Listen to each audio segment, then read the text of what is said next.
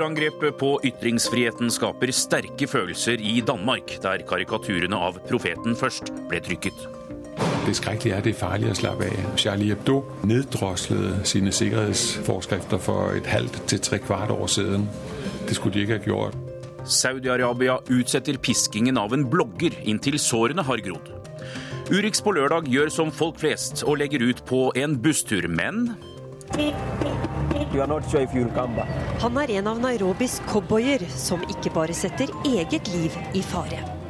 Ny styrketest mellom Senatet og USAs president. Kampen står om en oljerørledning gjennom USAs heartland. One of these chemicals is benzene. For å få olje fra tjæresand til å flyte lett, må de sette til benzen, og det er veldig giftig, forklarer karen på vel 60, der vi sitter med ferske blåbærmuffins og kaffe på kjøkkenet og ser sola gå opp over det flate landskapet, hvitt av rim og enkelte snøflekker. Går det mot eh, nok en Bush-Clinton-valgkamp? Førstedame Barbara liker ikke ideen. If we can't find more than two or three families to run for high office, that's silly. Urix på lørdag skal også innom Sverige, Russland, Mexico og Gaza, og vår Kina-korrespondent leverer brevet. Det er enkelte dager hvor jeg spør meg selv om det egentlig er mulig for mennesker å leve her. Alt ligger til rette for 57 spennende minutter med NRKs utenriksavdeling. Jeg heter Anders Tvegård, god formiddag. Urix på lørdag starter i Danmark, for der har attentatet i Paris gjort ekstra sterkt inntrykk. Det er åtte og et halvt år siden Jyllandsposten utløste raseriet da de trykket vitsetegningene av profeten for første gang. Medarbeiderne i avisa føler nå at det like gjerne kunne ha vært deres redaksjon som ble rammet av terroristene. Vi har dykket ned i de danske reaksjonene og redaksjonene.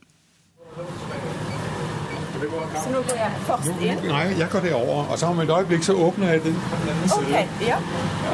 En går ikke bare rett inn i Jyllandsposten og Politikken sitt felles mediehus på hjørnet av Rådhusplassen i København. På den gule, ja.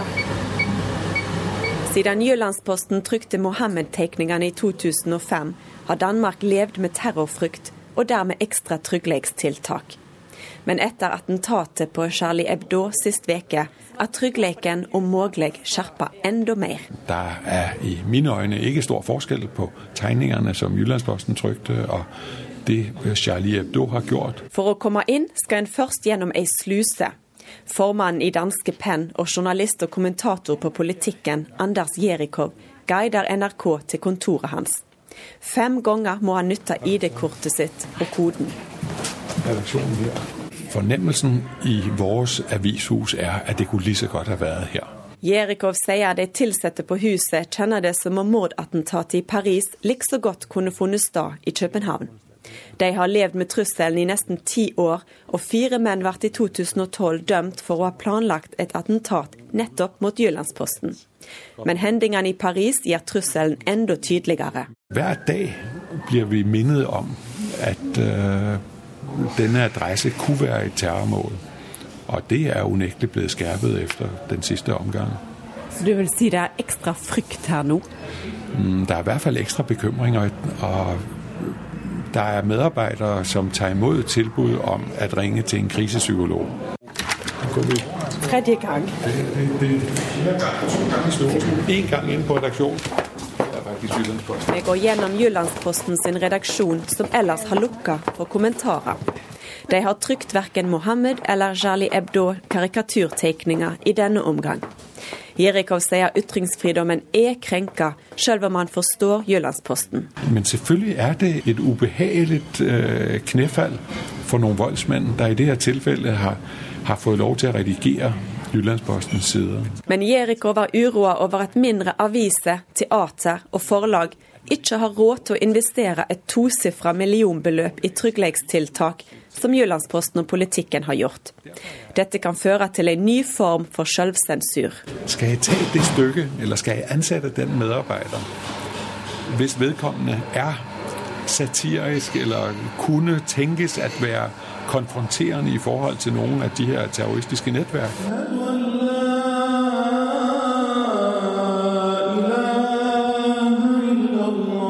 Det skal ikke herskes noen tvil om at kriminelle handlinger fordømmes uansett motiver. Punktum.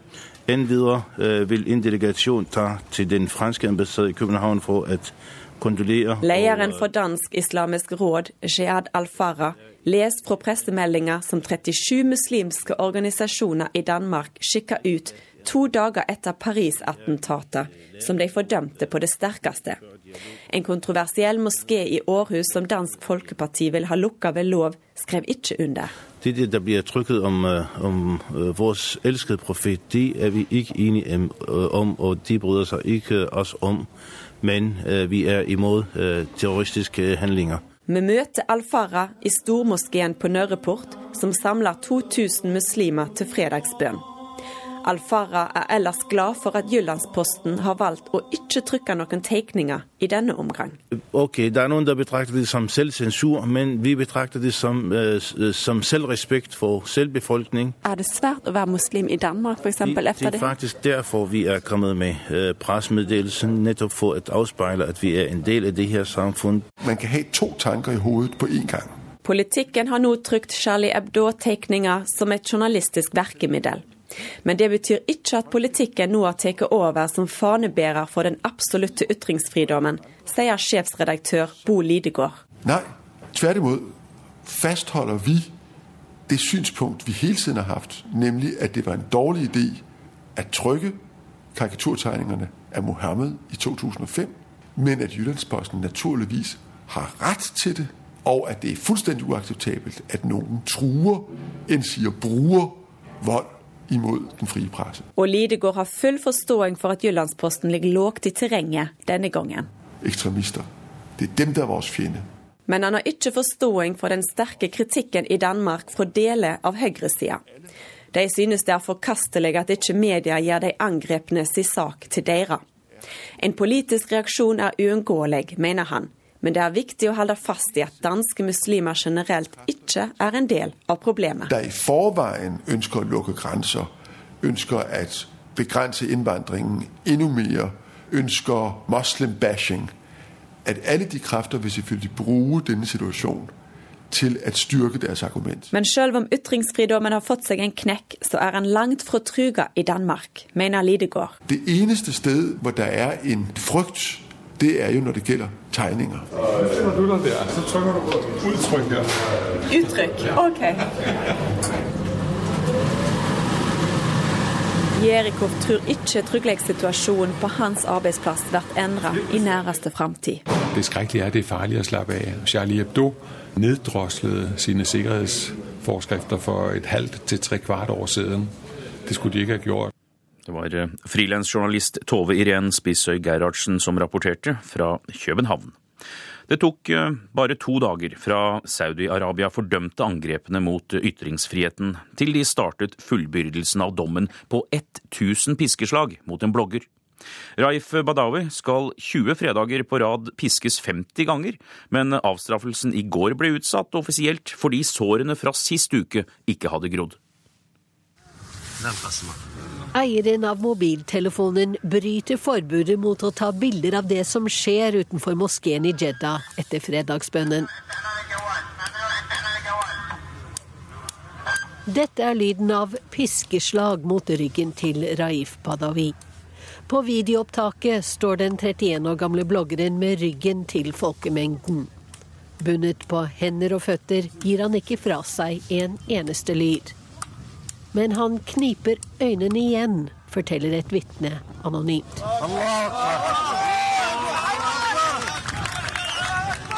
Når han føres vekk etter de 50 piskeslagene, bryter tilskuerne ut i Allahu akbar. Allah er størst. Dette er stemmen til Raif Badawi før han ble arrestert og tvunget til stillhet i 2012. Han var en av grunnleggerne av nettsiden Frie saudiske liberale, som frontet en liberal og åpen debatt i det strengt muslimske monarkiet. På bloggen kritiserte og utfordret han og andre høytstående religiøse ledere og Saudi-Arabias beryktede religiøse politi. Badawi skal også ha beskrevet det store imam Mohammed ibn Saud-universitetet i Riyadh som et tilholdssted for terrorister. Det var ytringer saudiarabiske myndigheter ikke tålte. Raif Badawi ble arrestert for å ha krenket islam og anklaget for å ha underminert den generelle sikkerheten, latterliggjort muslimske ledere og tråkket over lydighetens grenser, som det het. Han ble også tiltalt for å være en frafallen muslim. Hadde han blitt funnet skyldig i det siste, hadde det automatisk ført til dødsstraff. Den saken ble ikke prøvd i retten, men Badawi ble i mai i fjor dømt til ti års fengsel, 1000 piskeslag, ti års reiseforbud etter fengselsstraffen, en bot på over to millioner kroner, og han får ikke publisere noe i media eller delta i den offentlige debatten. Raif Badawi står på Amnesty Internationals liste over samvittighetsfanger som sitter fengslet for å ha brukt sin ytringsfrihet. I en video fra organisasjonens kanadiske avdeling skriver hans ti år gamle sønn et brev til sin far. Badawis kone og tre barn har fått politisk asyl i Canada. Hvorfor er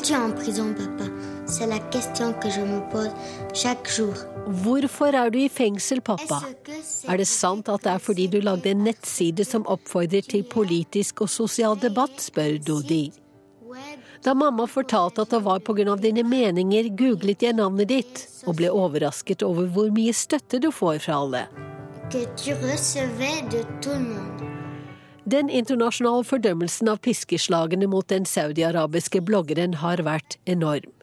I tillegg til menneskerettighetsorganisasjoner har både USA, Sverige og Canada protestert mot den fysiske avstraffelsen.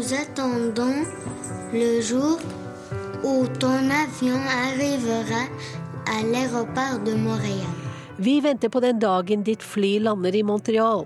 Jeg kommer ikke til å slutte å gråte, for du har tatt meg i armene dine og tørket mine tårer, skriver Dodi til sin far.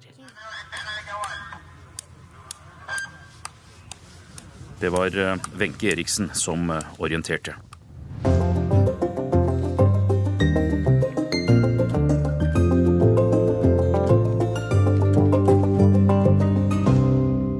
Nå om Russlands nye militærdoktrine.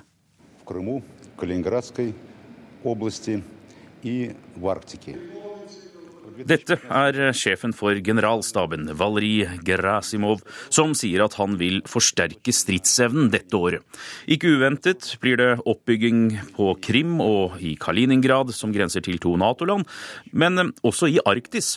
Uttalelsene denne uka vil trolig ikke dempe bekymringen her i Vesten for russiske muskler, men for å rydde opp litt, så har jeg ringt deg, Morten Jentoft i Moskva. Hva er det russerne planlegger å gjøre i Arktis? Vladimir Putin, Russlands president, sa før jul at man ikke ønsker noe militarisering av eh, Arktis. Eh, det man eh, sier at man vil gjøre, det er at man nå gjenoppretter baser som ble nedlagt etter Sovjetunionens oppløsning på begynnelsen av 1990-tallet. Så russerne sier at ja, vi ser at dette er et strategisk viktig område. Et av tre områder som har høy prioritet fra det russiske forsvaret sin side. Men i Arktis så handler det da, sett fra russisk side, om å gjenopprette eh, styrker der hvor det tidligere har vært eh, baser. Det er ikke nye baser ifølge russiske, eh, russiske militære som bygges opp. Det er altså en gjenopprettelse av baser fra sovjettiden. De siste årene så har det jo vært større fokus på Arktis, et uavklart territorium som flere land vil ha et eh, stykke av. Mineraler, olje og gass er vel eh, stikkord da. Hvordan leses da det, det russiske utspillet om å styrke militæret og forbli den ubestridte militærmakta i regionen? Ja, jeg snakket uh, forleden da med Arthur Chilingarov, jo, som er den store kan du si, polarkjendisen her i Russland, og også president Vladimir Putins spesialutsending for arktisk samarbeid uh, internasjonalt. Han sa det at ja da, Russland har sine krav, men de ønsker at uh, disse kravene skal behandles på en vanlig måte da i FN, og at russerne på en måte ikke vil ta seg til rette dette da i, i Arktis, slik som mange har trodd. Chilingarov var jo mannen som plantet dette russiske flagget på bunnen av havbunnen under polpunktet Nordpolen i august 2007. Men han sa til meg det at dette var en symbolhandling, og andre land er velkommen til å plante sine flagg ved siden av det russiske flagget. Så han tonet ned litt det bildet som kanskje mange har av at Russland prøver å tilrane seg eh, områder i Arktis med militærmakt. Den eh, forrige militærdoktrinen ble signert av eh, president Medvedev i, i 2010. Kommer vi som naboland til å merke Putins underskrift og den russiske militæroppbyggingen? Enten nordområdene eller Arktis? Jeg tror at vi kommer til å se en fortsettelse av det vi har sett eh, de siste årene, altså med en økt russisk militær eh, aktivitet i eh, nordområdene. Flygninger langs kysten av Norge i internasjonalt farvann, understrekes det jo fra russisk side. Man ser jo nå på Nato da ikke lenger som en samarbeidspartner, men som en mulig trussel. Alt samarbeid militært med Nato er jo brutt. Det blir jo brutt fra Natos side pga. konflikten i Ukraina. Mye vil nok være avhengig av nettopp det som skjer i Ukraina. Fortsetter den konflikten for fullt, ja, så kan det forplante seg også til nærområdene mot Norge. Morten Jentoft. Også Sverige tenker i Nato-baner i disse dager. Høyres eh, søsterparti Moderaterna har fått ny partileder. Anna Kinberg Batra skal lede den borgerlige alliansen, og hun har markert seg umiddelbart ved å sette spørsmål om svensk Nato-medlemskap på dagsordenen. Jeg spør da stemmen om vi til ny partiordfører kan velge Anna Kinberg Batra. Ja. Svaret er ja. Er besluttet også enhellig? Svaret ja. Det var ikke behov for noen avstemning. Moderaternas nye leder ble klappet opp på scenen forrige helg. Det er fantastisk å kjenne det her i denne salen fra alle venner som er her. Anna Kinberg Batra skal ta opp arven etter Fredrik Reinfeldt i det som nå er Sveriges største opposisjonsparti. Hun er partiets første kvinnelige leder, og kan på sikt bli Sveriges første kvinnelige statsminister. Batras tale til sine partivenner i Stockholm forrige lørdag bar ikke bud om noen store politiske omdreininger. Men på ett punkt blåste hun friskt liv i den svenske forsvarsdebatten. Sverige behøver ta viktige steg nærmere Nato. Og Derfor er mitt første sikkerhetspolitiske beskjed følgende. Jeg vil se en studie over de konkreta forutsetningene for et svensk Nato-medlemskap. Det er dags nå. For det alliansefrie Sverige har situasjonen i nærområdet endret seg dramatisk det siste året. Russlands aggresjon i Ukraina har skapt uro. I Østersjøområdet er militæraktiviteten trappet opp. Russiske fly har øvet angrep mot svensk territorium. Så kom oktober og dette. Forsvarsmakten kan nå bekrefte at en mindre ubåt krenkt svensk territorium. Om dette råder inget tvivel. Ubåtjakten i den svenske skjærgården i oktober i fjor viste Sverige at farene fortsatt truer. Aksjonen rettet også søkelyset mot det svenske forsvaret, som har vært bygget kraftig ned de siste tiårene. I etterkant viste meningsmålinger for første gang at et flertall av svenskene nå ønsker medlemskap i Nato. Statsminister Stefan Löfven har gjort det klart at Sverige skal stå utenfor. Men spørsmålet er ikke bare opp til ham lenger. Det er en blokkoverskridende overenskommelse som vi kaller for desemberoverenskommelsen. Den såkalte desemberoverenskomsten mellom regjeringen og den borgerlige alliansen som ble inngått i romjulen, sikret Stefan Löfvens posisjon som statsminister og regjeringens mulighet til å få gjennom sin politikk.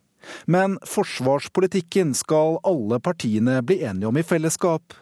Da samtalene ble innledet denne uken, brakte alliansen raskt Nato-spørsmålet på bordet.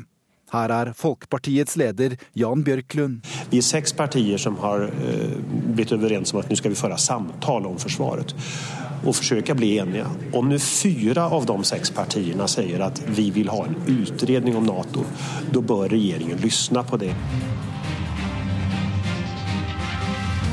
Velkommen hit, statsminister Stefan Löfven. Takk. Velkommen også Anna Kinberg Batra, nyvalgt partileder for Moderaterna. Anna Kinberg Batra har lykkes med å sette Nato-spørsmålet høyt på den politiske agendaen i sin første uke som partileder.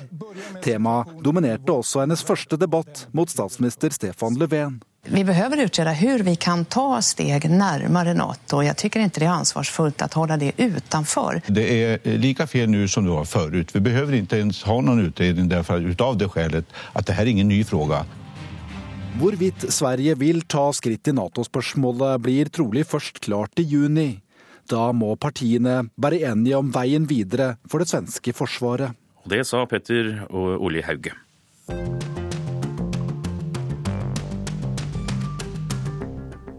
I eh, Kenya er sjåførene av minibussene, de såkalte matatuene, kjent som trafikkens cowboyer.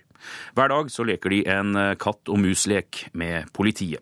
Urix på lørdag ble med på dagens første tur fra arbeiderstrøket Rongai inn til Nairobi, og sjåføren forteller at mye kan skje på en slik tur.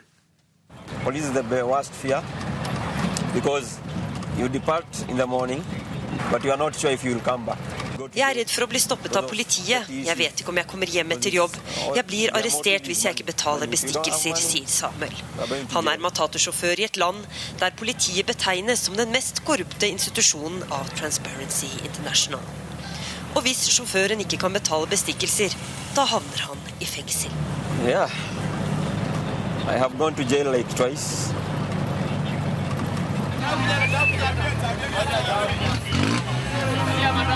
Bare én plass igjen. Konduktøren pisker den siste passasjeren inn på bussen.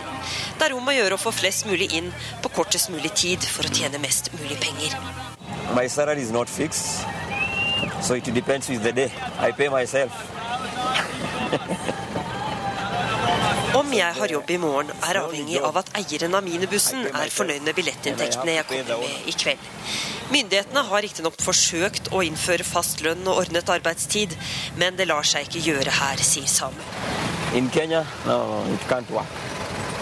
The industry is not controlled by the government.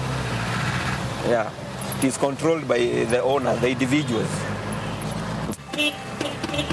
Matatusjåførene er trafikkens lovløse ryttere. De gjør alt for å komme fram før konkurrentene. Det er farlig for både liv og lommebok. Vi er nødt til å bryte loven for å tjene penger, sier road. Han kjører for fort, i feil fil eller på veiskulderen. Mottoet er klart. The don'ts, they are the do's. And the do's, they are the don'ts, you know. Det er kanskje ikke så rart at matatusjåførene har fått et frynsete rykte. No, these Matatu guys are crazy. They are not learned, they are not educated. Vi matatusjåfører har et så dårlig rykte at ingen i familien til kona mi ville at hun skulle gifte seg med meg. Men du vet, sier Samuel, kjærligheten overvinner alt. Bak i bussen er det en som melder seg på. But uh, now this is the means that uh, everyone can get to their places of work. So En del sjåfører er direkte onde, men vi har jo ikke noe valg. Vi må på jobb hver eneste dag, sier passasjeren, morgentrøtt og alvorlig. Nairobis 20 000 privateide minibusser står for nesten all den offentlige transporten inn til byen. Så møter vi uhyret, den beryktede Nairobi-trafikken. Sjåføren bremser, passasjerene smører seg med tålmodighet. En kvinne sitter med et lite barn på fanget. You must have a lot of patience, especially when you have a. Bilene og bussene står tett i tett. E18 i tredje potens og uten kollektivfelt. Eksosrøyk sperrer for utsikten. Especially these morning hours, now that's when it's more challenging because the policemen are fresh, active. Politiet venter på oss i sentrum, forteller han, og legger til at politibetjentene om morgenen er våkne og opplagte og klare for å huke oss inn. Og der står politiet klar i alle rundkjøringene, men Samuel har et triks for å unngå å bli stoppet. You try to be behind another vehicle, very very. Du må legge deg så tett som mulig inntil en annen bil. Gjerne passe på at du ligger bak en stor buss eller lastebil. Da er det ikke så enkelt å få tak i deg. Men idet vi nærmer oss siste holdeplass, og Samuel har senket garden, er det en politimann som vinker oss inn. Hva gjør dere her? Hvorfor filmer dere? Samuel svarer at vi lager en film om matatene. Politimannen går rundt bilen, før han vinker oss bryskt videre. Han vil ikke ha forhandlinger om bestikkelser på fotografens minnebrikke. So. Vel framme i Nairobi sentrum etter to og en halv time. Vi takker for oss, men Samuel har 14 timer igjen av en risikofylt arbeidsdag. Ja, og det var eh, Kristine Presttun som rapporterte, vår Afrikakorrespondent.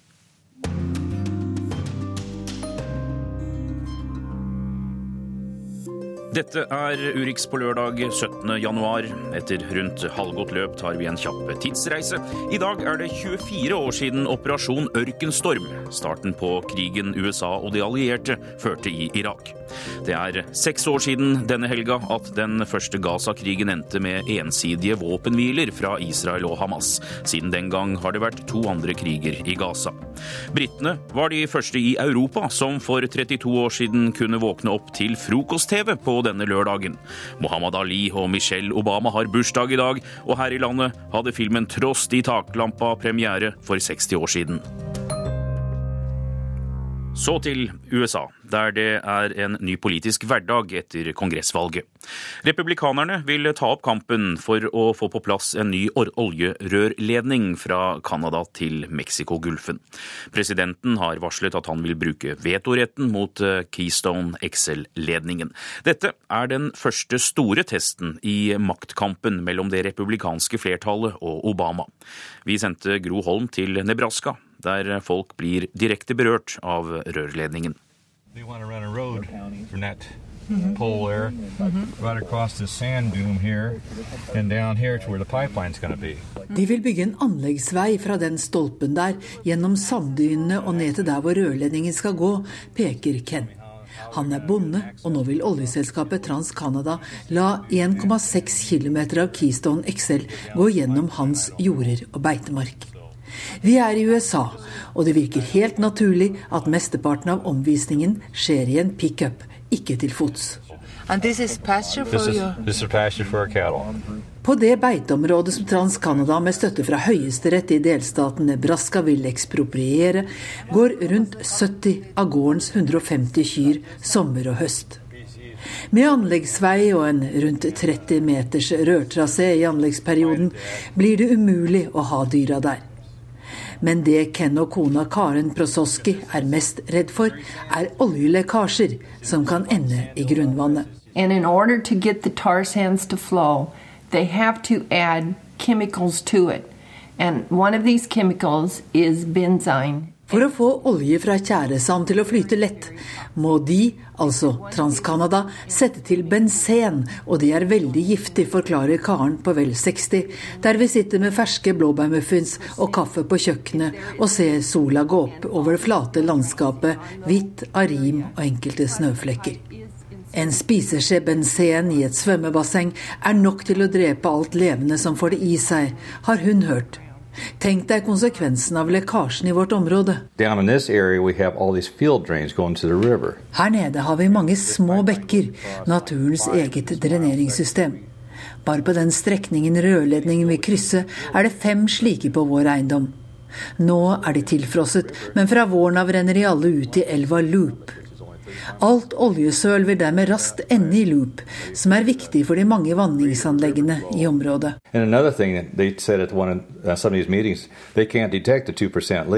En annen ting er at de, altså canadierne, har sagt på møter at deres måleinstrumenter ikke kan oppdage en lekkasje som er på under 2% av oljestrømmen. Dvs. Si at lekkasjer på opptil 16 000 fat i døgnet kan pågå i lang tid uten å bli oppdaget. På Kens og Karens tomt vil rørledningen bli liggende vel en meter under jorda. Så det er heller ikke slik at de vil se lekkasjer med en gang. Og hva så med ansvarsforholdene ved en lekkasje? Uh, members of Congress are obviously under tremendous amount of pressure from the oil industry. Really like I mean, Jane Klebb er aktivist og leder en organisasjon som kaller seg Bold Nebraska, eller Modige Nebraska, som har kamp mot Keystone XL som sin hovedsak. Torsdag snakket hun for rundt 50 farmere om hva de må se opp for når tilbudene om forlik og kontrakter kommer fra TransCanada. So Trans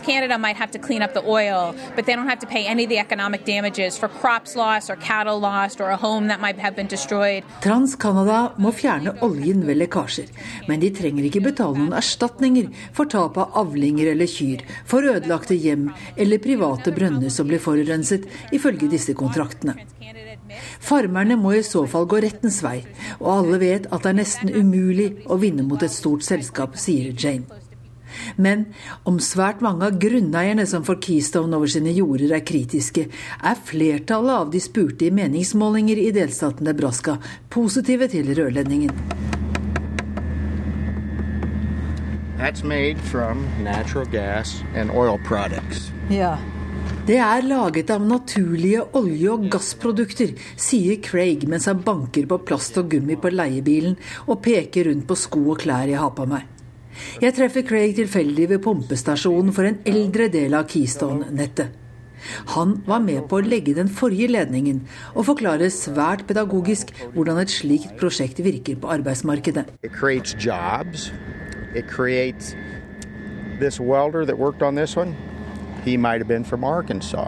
Sveiseren på denne pumpestasjonen var kanskje fra Arkansas. Da han fikk jobben, ringte han kona og sa hun kunne kjøpe den bilen hun hadde så lyst på. Bilselgeren sa til sin kone at hun kunne kjøpe ny sofa, og sofaselgeren tok sin ektefelle med på restaurant. Det er nok en god beskrivelse av arbeidsmarkedet i anleggsperioden.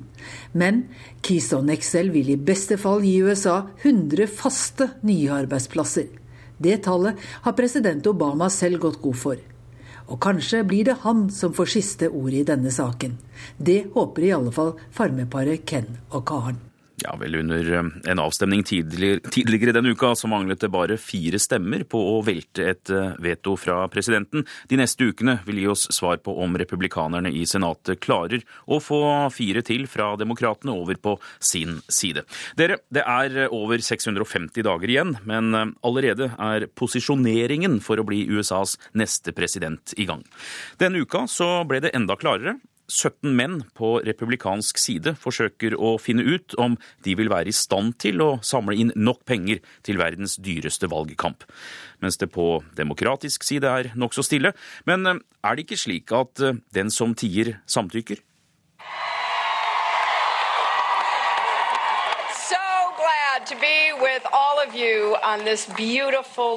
Hun har ikke sagt stort i det siste. Dette klippet er mange måneder gammelt. Men Hillary Clinton er jevnlig på besøk i valgkampviktige Iowa. De som har som levebrød å finne ut om hun stiller som presidentkandidat eller ei, fikk også litt mer vann på mølla denne uka.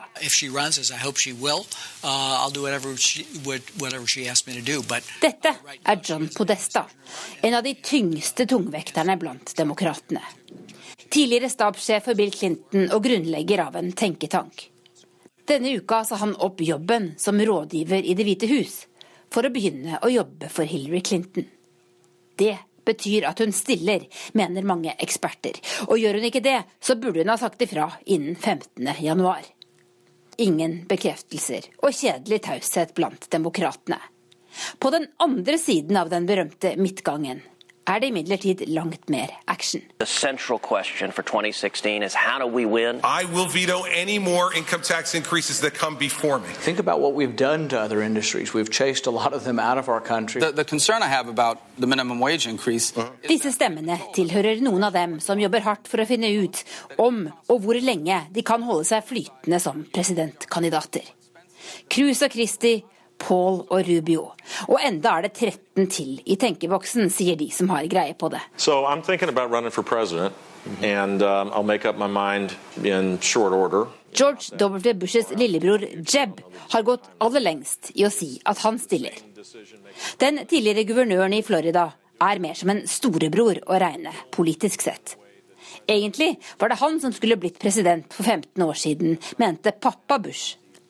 Hadde det ikke vært for at han kom forsinket ut av startblokkene da han tapte guvernørvalget i 1994 og broren vant i Texas.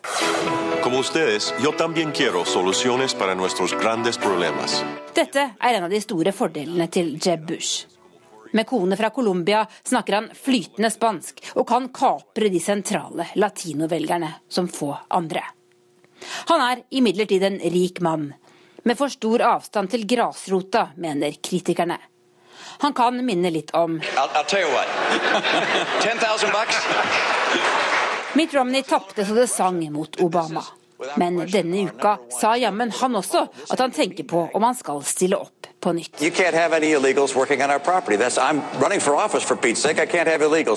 For tredje gang. Hvordan kan noen orke å utsette seg for slikt, kan en spørre. Men akkurat det bør en like gjerne spørre Hillary Clinton om. Hun har vært førstedame i to runder og nominasjonskandidat i én. Så egentlig kan dette bli hennes fjerde presidentvalgkamp. Hillary Clinton har bøttevis med erfaring, men også mye bagasje som vil komme veltende ut av skapet så fort hun sier go. Derfor kan det tenkes hun venter så lenge hun kan med å starte den offentlige valgkampen sin. For hun har en tendens til å forsnakke seg, hun også. It has been reported you've made five million slik hun gjorde da boka hennes kom ut i fjor, og hun skulle forklare hvorfor det er moralsk riktig å tjene tosifrede millionbeløp på å holde foredrag. Vi var staura blakke da vi flyttet ut av Det hvite hus, sa Hillary, og fikk folk til å huske Lewinsky-saken og andre mindre minneverdige sider av Clinton-regimets år. Og mange ønsker seg noe annet enn Clinton mot Bush i 2016. Til og med matriarken i selve Bush-familien gjør det. Hillary Clintons tidligere kollega Barbara Bush. If we can't find more than two or three families to run for high office, that's silly. Det er for dumt hvis det bare finnes to-tre familier som kan styre dette landet, sa hun nylig. De nye og friske som også kan styre landet, er mange. Senator Elizabeth Warren er elsket av venstreorienterte demokrater, men har sagt at hun ikke vil utfordre Hillary. Hillary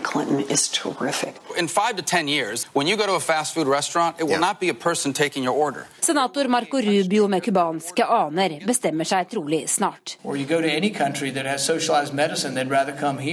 Rand Paul er libertarianeren mange unge ser opp til. Og Chris Christie forsøker å riste av seg en to år gammel skandale, slik at han kan bli republikanernes kandidat. Guvernøren i New Jersey holdt denne uka tale om delstatens tilstand. Men det hørtes i grunnen mest ut som han øvde på nominasjonskamptalen sin. I saw it on the streets of Chicago and felt it in the suburbs of Maryland. Og de som lurer på hvordan det går til slutt, har 659 dager å glede seg til. Ja, Det var kollega Tove Bjørgaas i Washington som hadde sett på feltet for 2016. Når vi først er på de kanter, tar vi en avstikker til Mexico, hvor for øvrig Jeb Bushs kone Colomba kommer fra. Et eh, gjengmedlem ble arrestert for et par eh, dager siden, mistenkt for å ha en finger med i spillet da 43 studenter forsvant sporløst i september i fjor. Med arrestasjonen har myndighetene nå pågrepet 100 personer, siden den grufulle saken skapte internasjonale overskrifter. Borgervernsgrupper er opprettet i regionen der studentene ble bortført og trolig drept. De har ikke lenger tillit til at politiet og myndighetene vil gi dem beskyttelse. I en skolegård står det 43 stoler med bilder av de 43 studentene som forsvant sist høst. Mødrene til flere av dem er samlet. De tenner lys og håper fortsatt at barna skal komme tilbake i live. De bortførte dem, sier moren til Jonas fortvilet. En kvinne med blomstrete bluse og langt gråsvart hår. Hun stoler ikke lenger på myndighetene, som mange andre i dette voldsutsatte området. Folk har nå opprettet egne borgervernsgrupper for å beskytte befolkningen. Myndighetene og politiet gjør ingenting, sier en ung mann med svart ansiktsmaske, svart caps og svarte solbriller som dekker øynene. Han er en av flere som nå patruljerer gatene med maskingevær og andre tunge våpen. Studentene har vært savnet siden de i slutten av september kom til byen Iguala for å demonstrere for å bedre lærernes kår. Politiet skjøt mot bussene de satt i. Seks ble drept, 43 ble arrestert av politiet. Riksadvokaten i Mexico mener at politiet overleverte studentene til en lokal kriminell bande, med bånd til de mektige narkokartellene i landet. Arresterte gjengmedlemmer har fortalt at studentene ble drept og så brent. Hittil er levningene av bare én av dem funnet. Saken har rystet Mexico og avdekket tette bånd mellom myndighetene, politiet og de kriminelle gjengene. Mange politifolk er arrestert, hele den lokale politistyrken er avsatt, og Riksadvokaten mener borgermesteren og hans kone er hjernen bak bortføringene. Fordi borgermesteren var redd for at studentene skulle forstyrre et lokalt arrangement der hans kone skulle holde en tale. Folk er lei, sier en ung kvinne med svart maske i borgervernsgruppa. Hun sier at folk ikke bare er lei pga. de forsvunne studentene, men pga. hele situasjonen i Mexico. De organiserte kriminelle organisasjonene og narkobandene har kjøpt seg til makt og innflytelse i store deler av det meksikanske samfunnet. Rundt 100 000 mennesker er drept som følge av volden, og rundt 20 000 har forsvunnet. Nesten ingen blir tiltalt eller dømt for sine ugjerninger. Det kom ingenting ut av møtet i dag, sier Felipe de la Cruz, faren til en av de savnede studentene, etter at familiene til studentene møtte myndighetene nylig. De er fornøyde med at mange er arrestert, men de har fortsatt ikke fått svar på hva som har skjedd med sine kjære. De mener også at det meksikanske militæret har vært involvert i bortføringene, og krever etterforskning.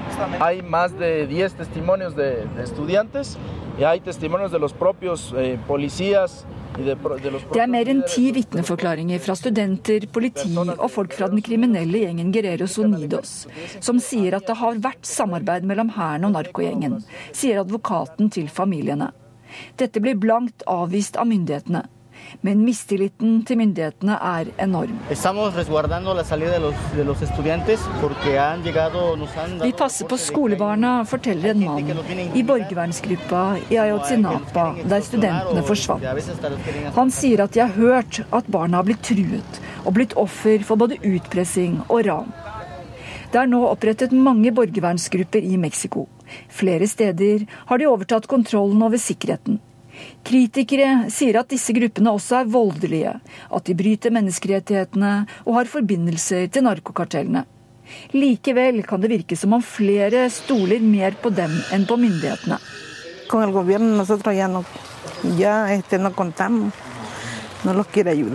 Vi har ikke tillit til myndighetene lenger. De hjelper oss ikke uansett, sier moren til den forsvunne studenten Jonas. Dette er ikke en rettsstat lenger, sier hun trist. Og reporter var Inger Marit Kolstad Bråten. Middelhavet ble en gravplass for over 3200 mennesker som forsøkte å ta seg til Europa med båt i fjor, i desperasjon på søken etter et nytt liv. Italia registrerte 170 000 båtflyktninger, som er en firedobling fra året før. De fleste kom fra afrikanske land eller Syria, men noen båter var også lastet med palestinere fra Gaza. Dit skal vi nå, for vår Midtøsten-korrespondent Sigurd Falkenberg Mikkelsen har møtt faren til en av dem som dro, men som aldri kom seg over havet. Jeg blir servert te og småkaker i en stue her i Gaza. På et bord står et lite portrettbilde av en ung mann med briller. Ved siden av ligger en notatblokk. På veggen bak henger en stor plakat, og etter småkaken og teen kommer moren inn med en bukse med gamle blodflekker. Det er alltid Harien igjen etter sønnen Ahmed, som var journaliststudent. Han overlevde Gaza-krigen, men etter alt å dømme ikke forsøket på å ta seg til Europa etterpå.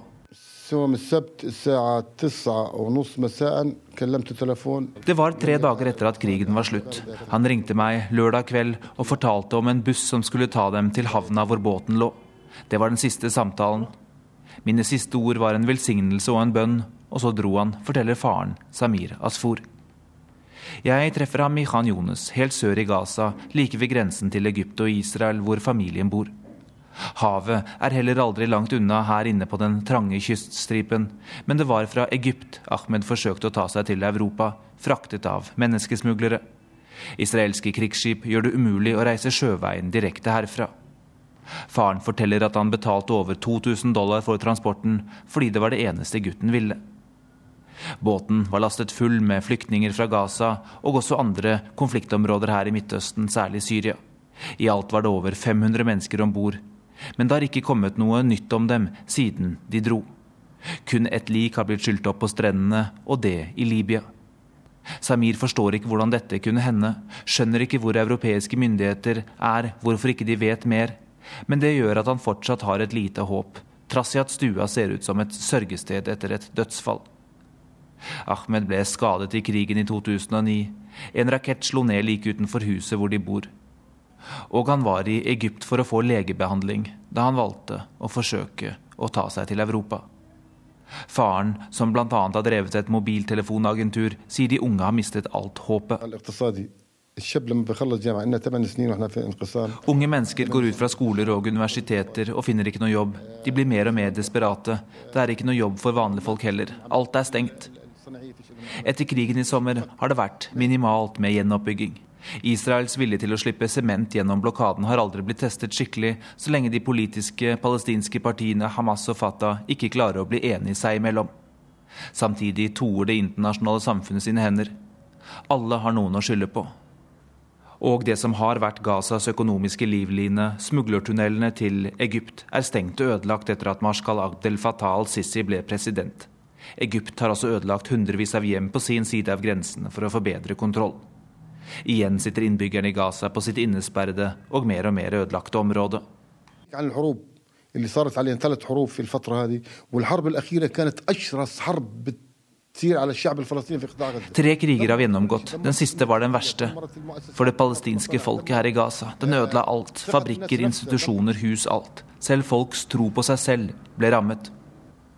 Tross alt innbyggerne har gått gjennom av kriger og lidelser det siste halve århundret, har de ikke valgt havet som utvei. Ikke før nå. Selv på glatte veier her i Oslo har korrespondentbrevet kommet fram i tide. Postlagt i Beijing, og avsender er Peter Svaar. Alt snakket om den dårlige luften her i Beijing er egentlig veldig overdrevet og ikke noe du skal bry deg om, sa en av mine nye kinesiske venner da jeg kom hit til byen for noen måneder siden. Deretter brøt han ut i et dypt surklende hosteanfall. Denne kroniske, hule hosten har jeg hørt overalt rundt meg siden, men selvfølgelig særlig i de ukene hvor den gulbrune, giftige forurensningståken virkelig brer seg som et teppe over oss som bor i den kinesiske hovedstaden. Det er enkelte dager hvor jeg spør meg selv om det egentlig er mulig for mennesker å leve her. Og denne uken har vært virkelig, virkelig ille. Torsdag våknet jeg og Beijings drøyt 20 millioner andre innbyggere til et røykteppe så tett at det knapt var mulig å skimte huset over gaten. Fra min forgjenger arvet jeg et enkelt råd.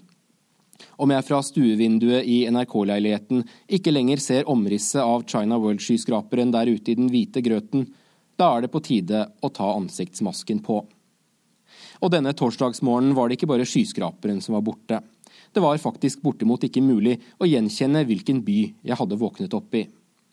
Både CCTV-bygget, de moderne Soho-skyskraperne i glass og stål og LG-tårnene rett over gaten var slukt i tåkeheimen. Denne som andre morgener famlet jeg etter mobiltelefonen på nattbordet, for som regel starter dagene her med å sjekke luftmålingsappen som forteller hva jeg har i vente der utenfor vinduet. Hvis skjermen lyser grønt, og det skjer iblant det også, starter dagen med et lite gys av glede. Aldri hadde jeg før jeg flyttet til Kina trodd at jeg skulle bli så glad for noe som hjemme i Norge er en selvfølge nemlig blå himmel og ren luft å puste i. Grønne dager her må man bare gripe. Gå i parken, gå på kafé eller sykle en tur etter jobb. Det er ikke så mange av dem, så det gjelder å ikke tilbringe dem innendørs. Men som regel lyser ikke skjermen grønt når jeg står opp om morgenen. Oftere er det gult eller forskjellige sjatteringer av rødt, som varsler faretruende om at luften er alt fra usunn til helsefarlig til faktisk direkte livsfarlig å oppholde seg i. Men på et punkt stopper selv fargekodene og advarslene, og torsdag morgen var nettopp en slik dag. Skjermen på telefonen var ikke rød, men grå, som om noen hadde skrudd av hele trafikklyset. Med nøytral hvit skrift sto det ganske enkelt 'Beyond Index'. Beyond Index. Det betyr at luften utenfor mitt soveromsvindu torsdag morgen var så dårlig at den internasjonale skalaen for luftkvalitet nå måtte kaste kortene og gi opp. Hit, men ikke lenger. De som i sin tid laget målesystemet for luftkvalitet, hadde åpenbart ikke fantasi til å forestille seg det moderne Kina. Konsekvensene av 5,5 million biler, 20 millioner innbyggere som fyrer med kull, og noen av verdens største kullgruver og stålprodusenter i områdene rundt Beijing. Verdens helseorganisasjons grenseverdi for luftkvalitet er en såkalt AQI, Air Quality Index, på 25, og indeksen går til 500. Men torsdag morgen ble det ved den amerikanske ambassadens målestasjon her i byen målt 671 mikrogram per kubikkmeter. Det er godt forbi det målbare, og et stykke forbi det levelige også. Tallet var om lag 26 ganger høyere enn Verdens helseorganisasjons grenseverdi. Indeksen måler partikler, og det er særlig de såkalte PM2.5-partiklene vi som bor her er bekymret for. De er så ørsmå at de kan krysse fra lungene og inn i blodbanen, og forurenser både lunger og kretsløp, med økt fare for både kreft og hjerte-karsykdommer som resultat. Det er faktisk vanskelig å sette helt ord på hvordan så forurensede dager føles. Du kan selvfølgelig lese om det og se bilder av det, eller som du gjør nå, høre om det, men å leve i det er likevel annerledes. Første gang jeg opplevde en slik dag i fjor høst, var det med fascinasjon, kanskje litt som første gang en utlending i Norge ser snø. Jøss, tenkte jeg, er det sånn det er? Man får følelsen av å være statist i en slags dystopisk science fiction-film hvor alt grønt og menneskelig har dødd ut, og hvor de få som overlevde atomkrigen, nå kjemper en brun, hard og skitten kamp for tilværelsen. Folk hustrer av gårde, og livet går sin gang på et vis, mens dikten er redusert til et minimum, og solen er bare en fjern kontur et sted der oppe i skylaget. Luften er tjukk og stofflig, det er nesten så du kan skjære i den, og du kjenner hvor tykk den er hver gang du trekker pusten. Den etterlater først en emmen, søtlig metallsmak i munnen, før du etter bare noen minutter blir tørr og irritert i halsen. Kinesiske landbruksforskere advarte i fjor nettopp om at denne vedvarende smoggen faktisk er et hinder for fotosyntesen. Den stenger ute om lag halvparten av sollyset, og kinesisk landbruk kan på sikt bli rammet av noe som ligner en atomvinter. Noe som igjen kan få store konsekvenser for Kinas matproduksjon. Jeg er tross alt heldig. Jeg har råd til å beskytte meg, og kan bruke min ansiktsmaske med utskiftbart filter på de dårligste dagene. Ikke minst er både kontoret og leiligheten her i Beijing nær sagt væpnet til tennene med luftrensere, som jeg stadig må bytte filter på etter hvert som de blir svarte. Det gjorde jeg også denne uken. Jeg kan holde meg innendørs i susende viftestøy og ikke merke så mye til hvordan forurensningen herjer der ute. Luftrensere og filtre er derimot dyre og koster titusenvis av kroner, så jeg er tross alt altså heldig. Det er ikke så farlig med meg. Jeg tenker mest på de kinesiske barna som vokser opp i dette miljøet, og som ikke har foreldre med penger til alskens beskyttelsesutstyr. Jeg konstaterer også at denne giftige suppen har noen pussige virkninger på meg. For det første er det de fysiske virkningene, som jeg etter hvert har begynt å kjenne godt til nå. Om jeg ikke bruker maske og beveger meg ute på dårlige dager, får jeg først en spesiell hodepine, og deretter lett hjertebank og kaldsvette i pannen. Det kjennes som om en forkjølelse er i ferd med å liste seg innpå, jeg har bare ikke rukket å bli skikkelig dårlig enda. Og så er det de psykiske virkningene, som både er mer omfattende og kanskje også mer interessante. For mens de svenske kullfiltrene i leiligheten hjelper til med å holde fysiske plager på avstand, er det dessverre ikke noe filter å få kjøpt som hjelper på følelsen av å være fanget i et slags luftfengsel. Det er verken hyggelig eller tilrådelig å være utendørs, heller ikke for å treffe venner, handle eller gå på kafé og restauranter. Det er bare en håndfull steder i Beijing som renser luften innendørs, og går du på de som ikke gjør det, er luften nesten like dårlig inne som den er ute. Men mine bekymringer om manglende sosialt liv og kafébesøk på forurensede dager er igjen selvsagt bare luksusproblemer. Hvert år tar den giftige luften livet av mellom 350 000 og 500 000 kinesere, altså noe bortimot hele Oslos befolkning, ifølge en vitenskapelig studie publisert i fjor og ført i pennen av Kinas tidligere helseminister Chen Su. Kreft er nå Kinas ledende dødsårsak, Og lungekrefttilfellene har eksplodert de siste årene, med en økning her i Beijing på over 25% siden 2002. Mine kinesiske venner her vet godt hvor farlig luften er, men har likevel stort sett sluttet med ansiktsmaskene i daglig bruk. Jeg skal dø allikevel, sa min kinesiske venn Chen lakonisk.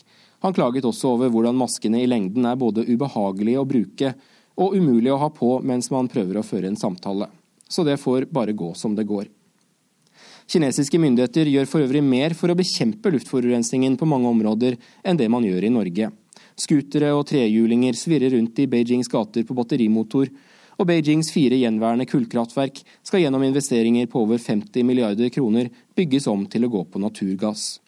Utslippskrav for biler blir stadig strengere, og bussene her går på ny og miljøvennlig teknologi. I mars i fjor erklærte president Xi Jinping krig mot forurensningen under åpningen av Folkekongressen, og nå i januar trådte Kinas nye og langt strengere miljølov i kraft. Forurensere kan nå få langt høyere bøter og strengere straffer enn før, og loven oppfordrer også hver og en borger om å leve en nøysom lavkarbon livsstil og utføre egne passende miljøtiltak i hverdagen, som å resirkulere søppel. Men jeg kan altså ikke annet enn å konstatere at denne uken her i Beyond Index-land var liten hjelp å hente fra politikken. Derimot får man noen nye perspektiver av å bo i denne tåkeheimen. Jeg kunne ikke unngå å smile litt da jeg leste om hvordan det europeiske overvåkingsorganet ESA rett før jul stevnet Norge inn for EFTA-domstolen fordi luftkvaliteten i flere norske byer er for dårlig. Ved målestasjonen på Hjortneskaia i Oslo sentrum brytes visstnok EUs luftkvalitetsdirektiv med høye kneløft, og det får EFTA-domstolen nå på sitt bord. Om noen i ESA hører dette, er dere velkommen til å komme på inspeksjon når som helst her i Beijing. Sa Peter Svaar. Teamet bak Urix på lørdag, Stein Nybakk, Oda Holm Gulbrandsen og Anders Tvegård takker for følget og ønsker god helg.